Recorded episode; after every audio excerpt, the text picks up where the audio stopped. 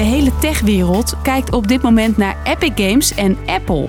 De twee grote techbedrijven staan tegenover elkaar in de rechtbank. Tech giant Apple and Epic Games will be facing off in federal court on Monday. Epic Games, het bedrijf achter Fortnite, is helemaal klaar met Apple. Ze beschuldigen het bedrijf van machtsmisbruik.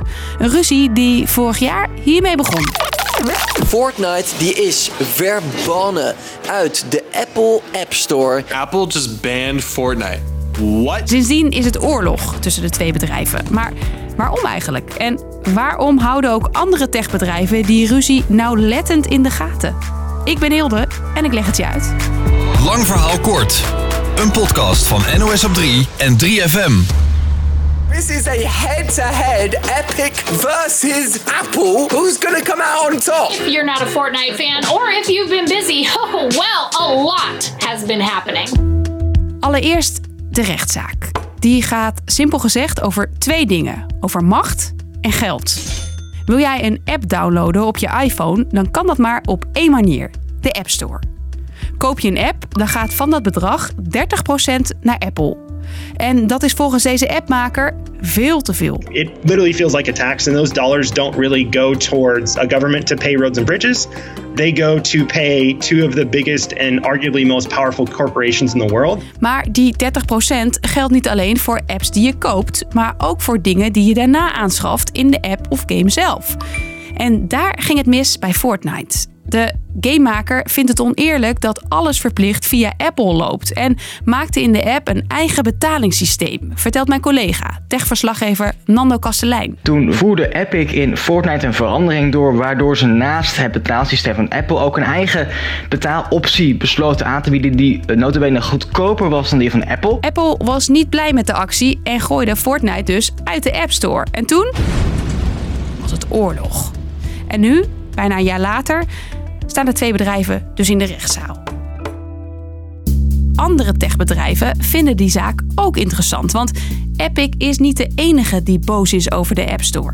Collega Nando nog een keer. Dat komt omdat het een steeds machtiger middel wordt. Het is in feite uh, de poort tot iPhone en iPad gebruikers. En dat zijn hele waardevolle klanten.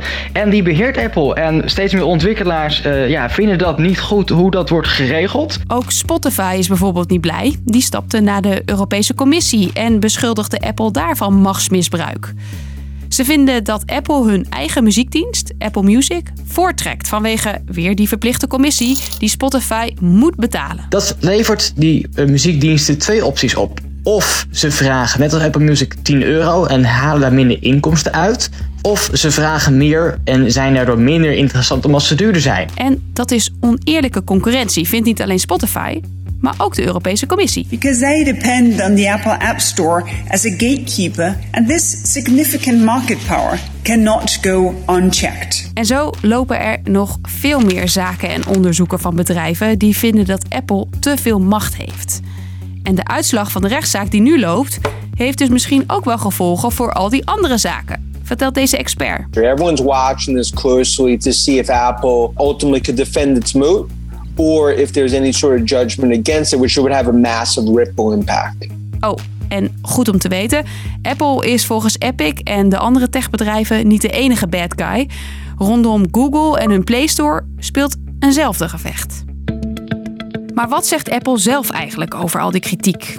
Allereerst vindt Apple het heel normaal dat je betaalt voor de diensten die zij leveren. Volgens het bedrijf is de App Store ook super belangrijk voor de veiligheid van gebruikers. Nu worden alle apps en betalingen nog door Apple gecontroleerd.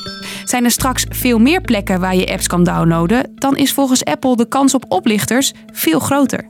En de App Store levert Apple ook gewoon veel geld op. Het bedrijf trekt voor deze rechtszaak dan ook alles uit de kast, zegt deze expert. App Store is the crown jewel of Apple. And this is something they're not taking lightly. And Apple has really come back aggressively on this. Maar wat als Apple verliest? Dan zijn er volgens mijn collega Nando twee opties. Allereerst de commissie, die zou naar beneden kunnen gaan. Of het is misschien zelfs wel zo dat een ontwikkelaar zijn eigen betaaloptie mag introduceren. Twee dingen die Apple niet wil uh, dat dat gaat gebeuren. Een ander ding wat nog veel verder zou gaan, wat Epic ook wil, is dat ontwikkelaars wordt toegestaan om een eigen App Store te beginnen. De kans dat dat laatste gebeurt is klein. Appmakers hopen vooral dat die commissie eraf gaat. Stel dat dat gebeurt, dan kan dat ook voordelen voor jou hebben. Want de kans is groot dat apps of dingen die je in de app koopt, dan goedkoper worden. En je hebt meer keuze over waar je de app aanschaft. Wat de uitslag ook wordt, het is eigenlijk wel zeker dat de verliezende partij, hoe dan ook, nog in hoger beroep gaat. Wordt vervolgd dus. I'll be back. Lang verhaal kort. De makers van Fortnite, Epic Games, zijn boos op Apple vanwege machtsmisbruik. Ze vinden het oneerlijk dat ze niet zelf mogen bepalen waar je dingen van hun app kan kopen. En ze vinden dat Apple veel te veel geld vraagt voor hun dienst. Epic is niet de enige die vindt dat Apple zijn macht misbruikt. Daarom houden ook andere techbedrijven de rechtszaak goed in de gaten, die waarschijnlijk nog wel weken gaat duren. Was hem weer. Morgen staat er een nieuwe lang verhaal kort voor je klaar. Gewoon helemaal gratis. Tot dan!